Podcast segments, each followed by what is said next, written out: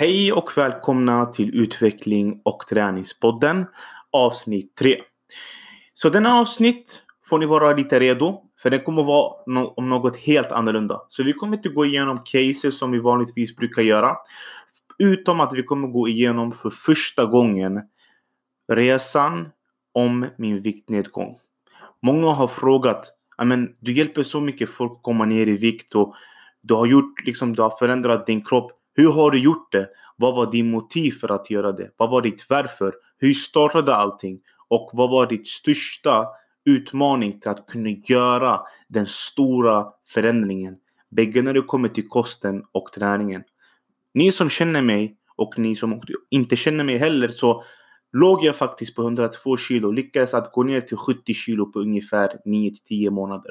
Så det här är första gången som jag kommer gå ut i podden och berätta från start till slut min resa.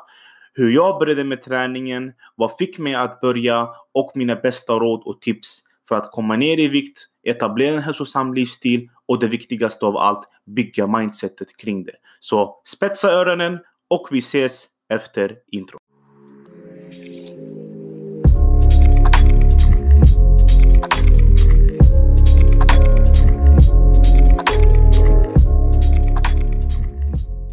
Nu är vi tillbaka.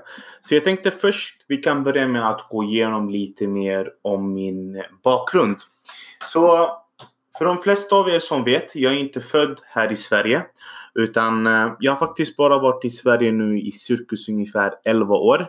Så jag har inte bott här hela livet. Utan min bakgrund är egentligen att jag kommer från Syrien. Eh, så jag kom från krig. Jag är egentligen född då i Irak. Så jag har kommit från krig och jag har sett jättehemska grejer som jag hoppas att ingen kommer kunna se hela livet. Ehm, och när, man då, när, man, när jag mådde så dåligt liksom under en sån period att man såg liksom sina nära köra dö framför sina ögon och man ser liksom halvdöda kroppar. Då var liksom min medicin att eh, gå bara till maten. För att när jag var liten, man kunde inte alltid gå ut och leka i lekparken med, som vanliga barn brukade göra. För att våra föräldrar var så beskydd, liksom beskyddande under krigperioden. För att man tänkte alltid men Ska jag verkligen låta mitt barn gå och leka? Man vet inte när som helst det kommer komma en bomb och liksom jag kommer aldrig se mitt barn igen. Så eh, mina föräldrar var väldigt överbeskyddande. Vilket gjorde i den vevan att jag blev väldigt introvert av mig när jag var liten. Och eh, liksom jag satt alltid bara på TV och kollade på TV och åt mat, mat, mat hela tiden. Liksom, till slut så blev mat som min bästa vän. så alltid när jag mådde dåligt och eh, jag kände okej okay, vet du vad, jag pallar inte med den här dagen. Jag bara vände mig till min chips, Coca-Cola, satt och kollade på en film. Um, jag mådde alltid dåligt över det varje gång liksom jag kollade på min kropp. Jag kände mig väldigt osäker. Jag var alltid liksom den här överviktiga bland mina vänner och det var många liksom som alltid påpekade okej okay, men du är så kort, du väger så mycket, du måste tänka på hälsan. Du kommer bli, när du blir större så kommer du få diabetes och andra jättedåliga sjukdomar som du kommer påverkas av. Men jag var liksom 11-12 år, liten och naiv, så jag tänkte alltid liksom på sådana här konsekvenser som kan hända liksom av eh, överviktig. Så eh, jag brydde inte mig faktiskt så mycket utan jag ville bara liksom ha någon eh, utväg, en escape liksom. Och min escape var maten. Sen så eh, efter två till tre år så gick det bra. Vi flyttade till Syrien. Eh, det var samma sak där. Man, kunde, man hade lite mer frihet där. Man kunde leka ute. Eh, vara lite mer aktiv så gick ni lite mer i vikt men däremot så jag åt ändå väldigt stora portioner för min ålder. Jag var ungefär 15 till 16 år eh, när jag flyttade hit till Sverige. Nej förlåt, då var jag 10 till 12 år. Eh, nu tänkte jag lite fel. 10 till 12 år när jag flyttade hit till Sverige. Eh, kom hit och eh, jag såg faktiskt Sverige som himmelriket och, inte, och nu tänkte jag okej okay, nu kan jag börja mitt liv igen. Eh, jag har skolor här, vi kan, liksom, jag kan gå ut när jag vill, vi har frihet. Jag behöver inte tänka liksom om jag går ut nu, jag kanske kan dö när som helst. Nu ska jag börja mitt liv om på nytt. Men det var väldigt svårt eh, att gräva ut sig från den lilla hålen. För att eh, varje gång man vill liksom eh, gå från den här lilla det är svårt väldigt att säga det här hur man ska uttrycka det på ett fint sätt. Men alltid att försöka rymma ut hitta något annat som jag kan ersätta maten när jag mår dåligt. Men det var jättesvårt för det var genetiskt i mig att när jag mår dåligt, jag måste alltid vända mig till maten. Så att kunna ändra en sån rutin krävdes ihjäl arbete. Men jag kunde inte klara det eh, mina 5, 60 första år här i Sverige. Utan här blev det lite, faktiskt lite mer. Man började känna sig bekväm. Man satt hemma, jag åt jättemycket toast, jag åt jättemycket chips. Och då var det okej okay om man kan äta det en till två gånger i veckan. Men för mig var det varje dag. Och eh, till slut, jag hade jättegrova koncentrationsproblem. För att jag tänkte bara okej, okay, Mat, mat, mat. Jag måste äta. Alltså om jag pluggade, jag måste äta. Om jag tittar på TV, jag måste äta. Om jag till och med ibland, ursäkta mig, men jag är på toa, jag måste ta med mig en macka. Det var så pass. Eh, så min mun tog aldrig liksom stopp, om man får säga så. Och då blir det självfallet att man eh, har svårt att koncentrera sig med tanke på att förbränningsprocessen i kroppen, att metabolismen ska kunna jobba samt ämneomsättningen, det är mycket, mycket energikrävande för kroppen. Så man tappar liksom fokus lite. Men för mig var det hela tiden så metabolismen behövde jobba hela tiden. Men hur ska jag tänka det när jag var 13 till 14 år? Sen eh, under tiden och under perioden så eh, blev det lite mer jobbigare och jobbigare när man började komma in i skolan och man hörde alltid men eh, du vet din tjockis och alltid liksom man var den här tjockisen i klassrummet och man blev alltid liksom mobbad för det. Man kommer ihåg alltid liksom scenarier som hade hänt liksom under sin barndom och man kommer aldrig glömma dem. Eh, speciellt om man har alltid varit trakasserad när man varit liten. Och, du vet, det är det som gör det jättesvårt när man ändå försöker och vill gå ner i vikt och det är ändå folk som påpekar det hela tiden. Ibland kan man använda det till, till sin motivation. Okej, okay, men eh, folk alltid pratar dåligt om min vikt och hur jag ser ut och mitt utseende. Så jag måste göra något, något åt saken och okay, jag måste ta tag på det här. Men man hör det där bara på motivationsvideos, men sen när det kommer till det realistiska och du ska gå emot dina vanor och rutiner som du har haft i ungefär 14-15 år sedan du har varit liten. Det är en helt annan femma. Det är en helt annan femma. Um, så när det väl kommer till min del, jag tänkte okej, okay, men hur ska jag börja? Jag vet inte hur jag ska starta liksom allt det här. Och uh, jag kommer ihåg då, det var alltid i skolan eh, när det kom till en sist period och jag tror det var det som gjorde egentligen den största skillnaden när det kommer till Mirasa. Alltså, eh, liksom jag hade eh, förut i min period, man var liten, man hade liksom en tjej också. Så ehm, jag kommer ihåg liksom en gång också att jag blev dumpad för att på grund av att jag var för tjock. Det är skämmigt att gå ut med mig. Liksom där liksom blev det ändå lite gränsen. Man tänkte okej, okay, ofta man kan döma en person så mycket att man blir verkligen dumpad för att man var för tjock. Det var så här lite okej. Okay. Um, och för att se bättre för sig själv, man såg ner på sig själv ännu mer än förut. Men man tänkte oj, jag kommer aldrig kunna få någon i hela mitt liv och du vet, jag kommer vara i den här kroppen hela livet ut och jag hatar mig själv och man börjar få depressionstankar och genom depressionstankar så man börjar man börjar må dåligt. Genom att man började må dåligt, jag började ta jättedåliga, hetsiga och dåliga handlingar genom att vända mig till maten igen och äta ännu mer. Så till slut jag befann mig i en situation där jag vägde ungefär 104 kilo och jag var inte mer än 168 centimeter lång. Så jag såg ut bokstavligen som en boll. Eh, jag körde ju fotboll när jag var liten och jag var faktiskt bra på det.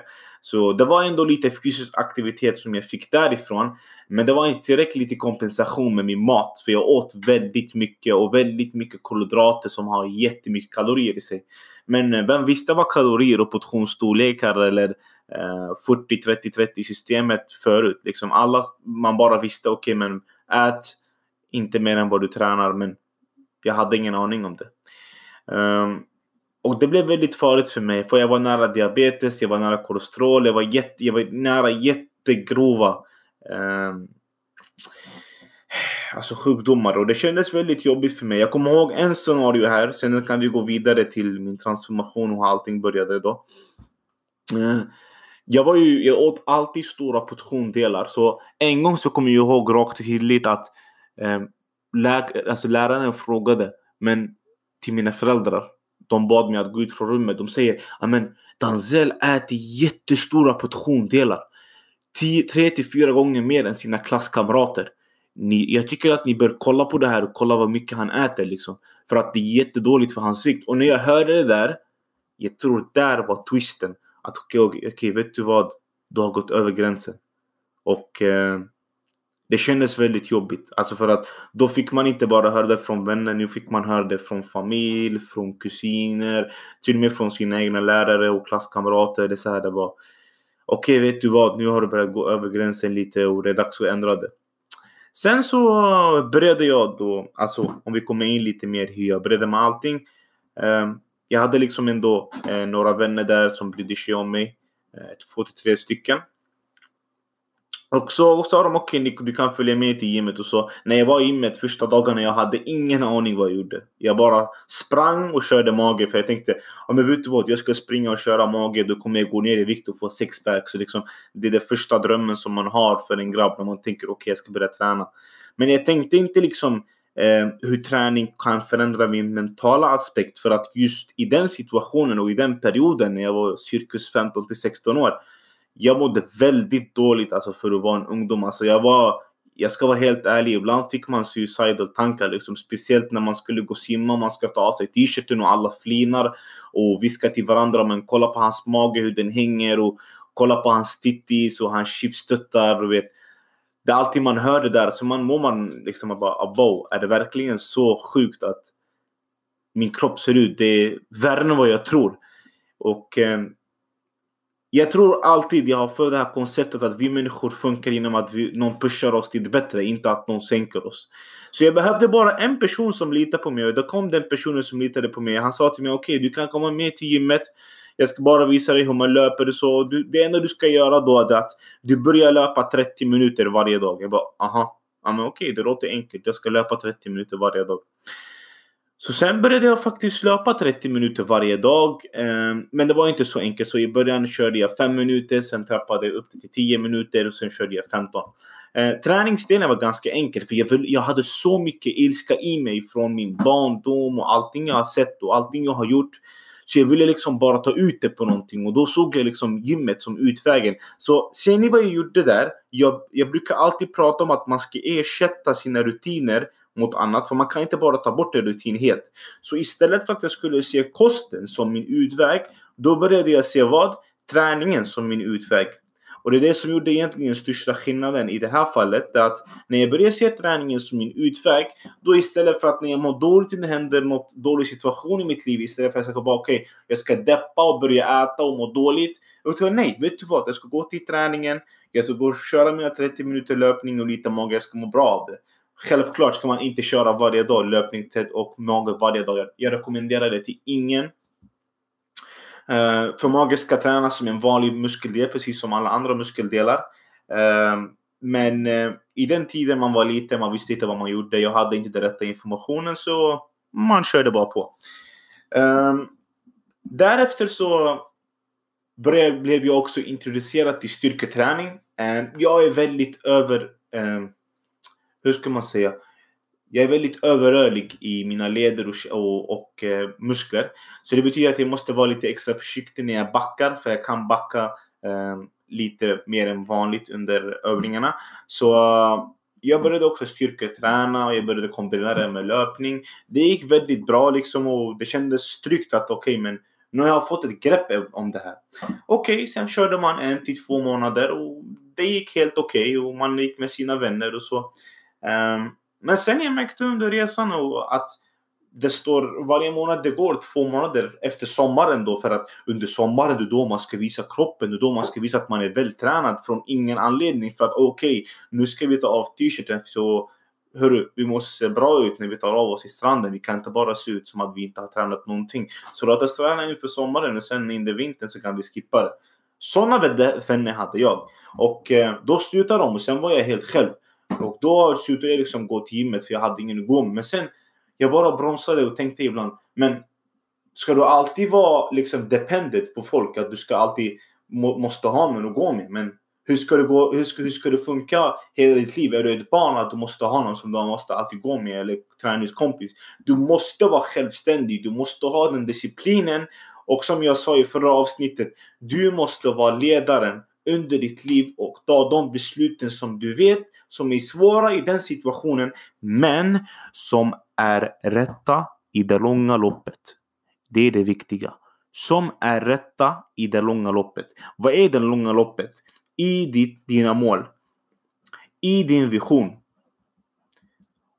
Och det viktigaste av allt, att bli den bästa versionen av dig själv. Att bygga de rätta egenskaper, karaktär och karisma. För att vara den bästa versionen vi kan vara. Eh, så jag är alltid för, men jag visste inte det här förut. Men jag är alltid för att man måste alltid hålla koll på de små disciplinen under dagen, vilket utgör de stora disciplinerna framöver. Och som hjälper till att åstadkomma målen framöver. Så eh, jag tänkte okej, okay, vet du vad? Jag ska vara ledare i mitt liv och jag ska gå och träna och jag ska få mina vänner som faktiskt introducera mig till träningen att komma tillbaka och jag ska vara dem. Jag ska vara den personen de ska se upp till och jag ska vara den personen som de ska fråga mig om träningstips, fråga mig om kosttips och jag kommer kunna hjälpa dem. Så ser ni twisten där? Istället för att man ska deppa och tänka ja ah, men jag har ingen att gå med, jag vet inte vad jag ska göra. Nej. Däremot, se inte sig själv liksom som den här lilla stackaren som inte har någon att gå med utan man är självständig och man klarar sig själv. Bra. Så då blev jag självständig och började gå till gymmet ensam och dag för dag, dag för dag jag började se min kropp ändras. Vilket kändes jättebra. Genom att se kroppen ändras då så eh, kom då med några fördelar när det kommer till den mentala biten, vilket jag inte märkte så mycket då, men eh, om man reflekterar tillbaka så blir jag märka det mer nu. Eh, jag börjar bli mer självsäker, för jag börjar, självsäkerhet kommer av dag för dag, dag för dag åtsats komma närmare sina mål och sina visioner i livet och samtidigt sträva efter något som är större än sig själv. Vad är vad betyder egentligen att sträva efter något som är större än sig själv? Då menas det med att sträva efter ett mål som man vill åstadkomma, som kommer kunna hjälpa folk, som kommer kunna hjälpa en själv, så man blommar ut genom resan till målet och efter målet. Hänger ni med? Bra. Ehm, så hur det såg ut då, det är att jag eh, utvecklade några egenskaper som jag inte hade förut.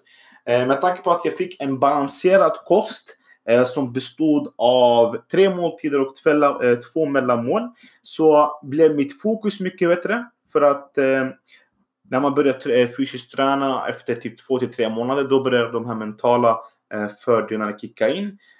Fokuset blev högre, mindre stress blev jag också så jag kunde fokusera mycket bättre på min läsning och plugg. Och sen märkte jag också att mitt självförtroende började blomma ut. Så självförtroende kommer är kombinerat med självsäkerhet. Att man, jag blev självsäker genom att jag tog det beslutet. Jag ska vara ledaren i mitt liv. Jag ska bevisa andra att jag kan göra det här. Jag behöver inte ha hjälp av någon. Okej, okay, man kanske inte ska ha så tänka att okay, jag ska inte ha hjälp av någon. Men jag var så trött på mig själv. Jag var trött på mina dåliga val. Jag var trött på den livsstilen som jag levde som jag mådde skit över dagligen.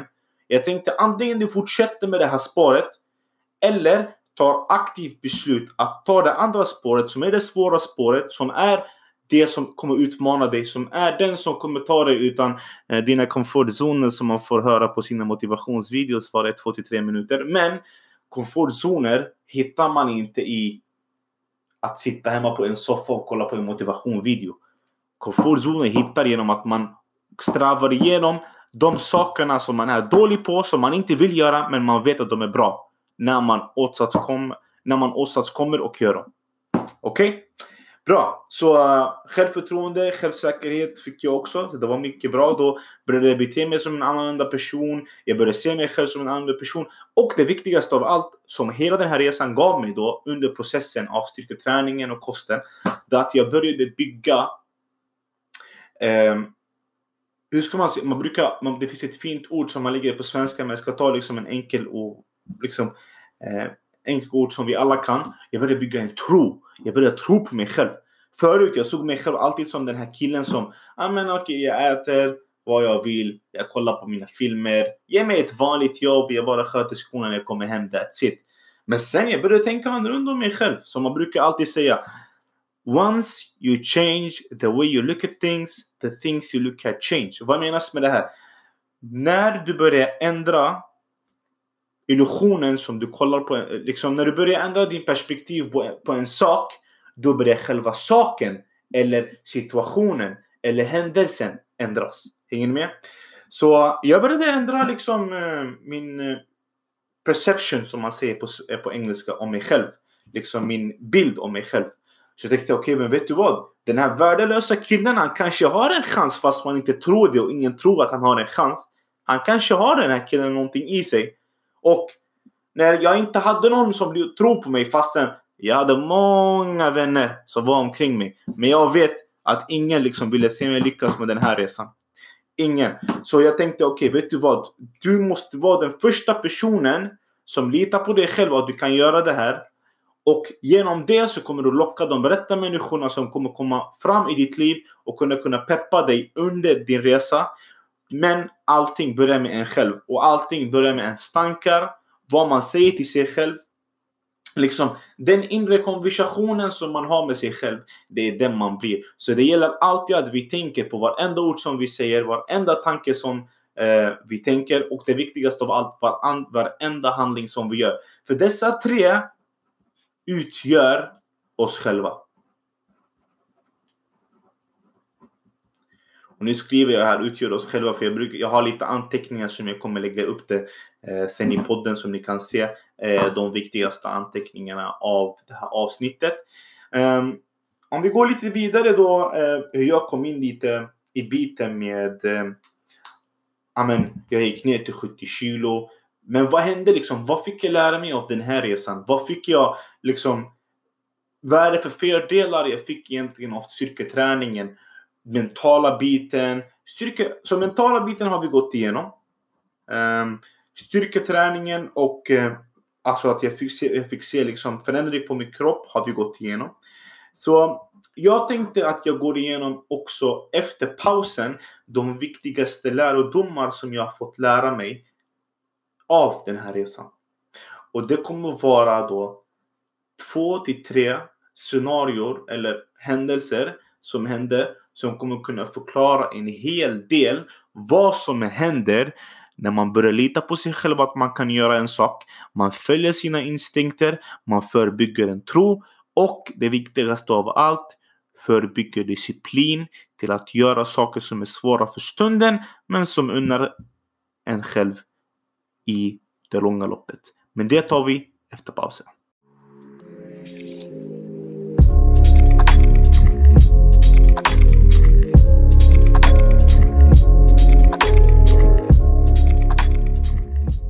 Efter den korta pausen. Ehm, så nu kommer jag berätta om tre lärdomar som jag har fått lära mig under resans gång. Så jag tänker börja med ett. Disciplin och ansvar. Utan disciplin jag skulle kunna aldrig börja med den här resan. För att jag låg botten av botten. Om, man, om det är ett, ett ord ens. Men det var så pass. Alltså jag orkade inte mig själv. Men jag tycker någonting som kopplar också väldigt starkt med disciplin är ett varför. Mitt varför är att bevisa för mig själv att jag kan ta ansvar aktivt över mina beslut i livet. Och att verkligen kunna ändra bilden om vem jag är. Både för att bevisa det för mig själv, bevisa det för de som inte tror mig och det viktigaste av allt, att kunna utveckla mig själv en procent i alla fall för varje dag så man kan verkligen blomma ut som människa. Och sen tänkte jag faktiskt på en sak också nu. Um, under resans gång, liksom, när jag började liksom, skaffa en bra kropp på de personer som faktiskt mobbade mig för min kropp förut och alltid snackade dåligt om mig. De kommer tillbaka och frågar mig men har du några tips hur du gjorde för att kunna gå ner i vikt och eh, bygga en bättre kropp och bygga en hälsosammare livsstil. Så jag brukar alltid säga att livet är långt. Det som kommer är det som går. Så livet är lite mer ge och ta. Så jag tänkte alltid okej okay, men även fast de här personerna var de personer som alltid kränkte mig för sin vikt och alltid garvade åt mig när jag tog så stora portioner i skolan och alltid garvade åt mig i idrottslektionerna när jag sprang som en liten köttbulle. Men nu kommer till mig och säger men vet du vad, har du några tips? Ja, livet är runt, man vet aldrig vad som händer. Men det gav mig också ett tecken på att vet du vad, du har vunnit. Du har vunnit över dina rädslor. Du har vunnit över alla ångesttankar och du har vunnit över din depression, över din kropp och hur du ser på dig själv. Genom en sån liten mening, det säger jättestora saker. Och det sa någonting om mig att jag skulle aldrig kunna vara den personen jag är idag utan den disciplin jag har och utan att jag tar ansvar över mina egna handlingar. Och fastän min hjärna gick emot mig, mina känslor gick emot mig och folk som jag trodde var nära mig som faktiskt inte var så nära mig som jag trodde gick emot mig. Men jag klarade det ändå. Så gym, träning, kost ger disciplin och ansvar. Man kan ta ansvar över sina träningar. Man kan ta ansvar att man aktivt sköter sin hälsosamma eh, kost som man bygger upp under dagen genom ett kostprogram eller träningsprogram.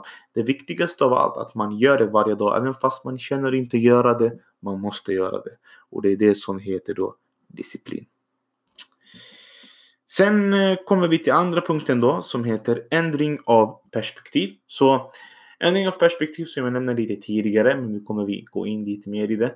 Så helt ärligt, jag hade inget självförtroende när jag var liten. Alltså det var så här alltid, men hur kan de här grabbarna ha värsta kroppen och hur kan jag alltid vara den här bullen? Och folk äter så mycket portioner. De blir aldrig stora, de blir aldrig feta som mig. Varför blir jag alltid det? Tills jag började läsa på lite mer om träning och kost tänkte mhm. De har snabbare metabolism, de har snabbare ämneomsättning. Deras kropp bränner snabbare fett än vad jag gör. Okej, okay. nu börjar saker liksom make sense. Men eh, innan jag skulle börja med allting, jag behövde byta den bilden som jag ser på Ferdi Danzel. Det är det viktigaste av allt. Vem är jag egentligen? Jag visste inte ens. Så allting började genom att jag började lära känna mig själv. Och det viktigaste av allt. För att kunna ändra sin perspektiv, man måste gå igenom alla dåliga egenskaper man har och man måste våga erkänna dem. Jag var lat. Jag åt jättemycket. Jag brydde inte mig ett dugg om någonting i mitt liv förutom mitt spelande och maten. Jag rörde inte på mig. Jag sov väldigt dåligt. Jag hade inga sömnrutiner. Alla de här dåliga grejerna, jag skrev dem på en lista. Skrev dem på en lista. Så jag skrev dåligt. Och sen så skrev jag bra. Så jag la upp alla mina dåliga grejer. Jag hade typ bara två till tre bra grejer. Men jag bara okej. Okay, jag kommer göra så att den här dåliga listan för varje vecka en dålig grej ska försvinna och jag kommer ersätta den mot en bra grej. Okej, okay, väldigt enkelt att börja med. Man ska inte börja med hela listan direkt. För det kommer man inte hinna göra. Så en vecka, jag började ändra. Okej, okay, sömnrutin. Vad händer med sömnrutinen? Jag ändrar så att jag börjar sova samma tid varje dag. Kosten. Vad händer med kosten? Jag börjar sakta men säkert ta in hälsosamma livsmedel. Jag börjar sakta men säkert också minska mina portioner. Jag börjar röra på mig lite mer. Jag vaknar och kanske gör en enkel to-do-list vad jag ska göra under dagen. Um, och det är det som byggde den här ändringen av min självbild. Då började jag få det här tro. Okej, okay, men jag kanske har en chans att kunna ändra min vikt och kunna ändra min kropp och kunna ändra min tankesätt och kunna ändra hur jag tänker, hur jag pratar, hur jag uttrycker mig som person. Eller hur? Så det är den andra punkten att eh, börja aktivt varje dag bygga nya rutiner, sträva efter ett mål eh, och genom att sträva efter ett mål måste man ha ett starkt varför så när man får de här tuffa dagarna som kommer och man inte pallar med någonting då ska ditt varför vara starkare än dina ursäkter så du ska kunna ta på dig gymkläderna, gå till bilen eller gå till bussen, gå till gymmet, få dina sets och reps, sköt din kost och för att kunna få de resultaten man vill få. Så allting börjar med ett starkt varför som genom bra handlingar ändrar bilden om oss själva. Bra, då har vi det klart. Sen går vi igenom börja hjälpa andra. Så jag började, okej okay, men vet du vad? jag har hjälpt mig själv, jag kan väl hjälpa andra också, eller hur? Ja men då gör vi så. Så jag började bara ge tips på Instagram. Och men nu kan ni göra så här. Jag började dela lite om min resa, hur allting började komma. Och sen från ingenstans folk, folk liksom började fråga mig. Men du ger så mycket tips på din Instagram och du ger så mycket tips till folk som du alltid träffar. Varför startar du inte ett, eh, ett konto? Amen, eller hur? Varför startar vi inte ett konto? Då startade jag kontot Body Selection. Jag började hjälpa folk liksom med sin kost och träning. Jag började svara alla frågor. Jag gjorde så många kostnadsfria tips och content som jag la ut på alla sociala medier. Um, och jag hjälpte andra ständigt dagligen och det var där, helt ärligt, jag hittade mitt varför. Och när bara jag hittade mitt varför, då kom den största ändringen i hela mitt liv.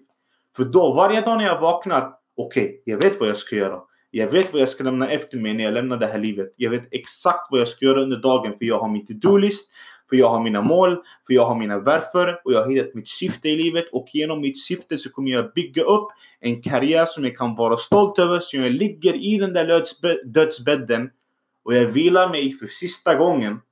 Då kan jag lägga ett leende. Ett stort leende. Och bara, vet du vad? Jag gav det här livet allt jag kunde ge. Och allt jag kunde ge är allt som räknas. Och allt som räknas är allt som sätter ett betydelse under det här livet genom våra handlingar och genom saker som folk kommer ihåg oss med. Faktiskt. Så genom Body Selection jag började hjälpa folk och folk började ta, men, göra lite coaching. Så jag började göra coachning och nu helt plötsligt efter så många år av strävande att gå ner själv i vikt. Så nu börjar jag hjälpa andra att gå ner i vikt. Jättekonstigt, eller hur? Från den här köttbullen som eh, kunde knappt springa, som var lat och åt skit varje dag, kollade på serier och blev trakasserad och mobbad för sin vikt och gick in i en depression av det. Började hjälpa folk att påbörja deras egna resa. Som man brukar säga på engelska mina vänner. It's a long, long, long shot. Long shot. Men det är så det händer när man har faktiskt sin disciplin. Många har också undrat, men varför skriver ni inte en bok om det? Inte rätta tiden just nu, men när rätta tiden kommer så kommer jag faktiskt göra det. Men eh, det känns väldigt bra. Min sista tips och råd skulle vara till er att det är bara att börja. Man vet aldrig liksom. Det finns inte en rätt stund och rätt tid där man ska börja. Man kommer aldrig liksom ha den här motivationen från ingenstans. Okej, okay, vet du, så gå till gymmet efter en vecka så försvinner den. Utan lite mer dag för dag. 1% förbättring. Jag gör aktiva hälsosamma val. Jag börjar ta mina promenader, kanske efter mina promenader, jag går till gymmet två till tre träningsdagar. Kosten, jag går inte och kör kyckling, broccoli varje dag utan sakta men säkert komma in i det genom att ta ut dåliga livsmedel, ersätta dem med bra hälsosamma livsmedel och genom det låta kroppen och hjärnan vara i synk med den nya livsstilen. Och det är de som kommer ta hand om dig. Men ingen kommer kunna ta hand om dig som disciplin gör. Så här var min lilla resa. Jag försökte förkorta den så mycket som möjligt. Jag hoppas att ni har hittat eh, värde i det här och jag önskar att verkligen om ni tycker att det här var bra så kan ni dela det till vänner så kan de också lyssna på min resa och kanske ta del av några tips som låter dem att påbörja deras egna resa och tänker om lite. Okej, okay, men hur ser jag på mig själv? Vad är bilden av mig? Hur kan jag bygga bättre disciplin? Hur kan jag ta mer ansvar i livet? Och det hoppas jag att den här podden och min resa och mitt meddelande kunnat dela vidare. Tack för alla som har lyssnat. Det var er boy Danzel. Ni får ha det så jättebra och jag catchar er nästa vecka med ett nytt avsnitt med utveckling och träningspodden.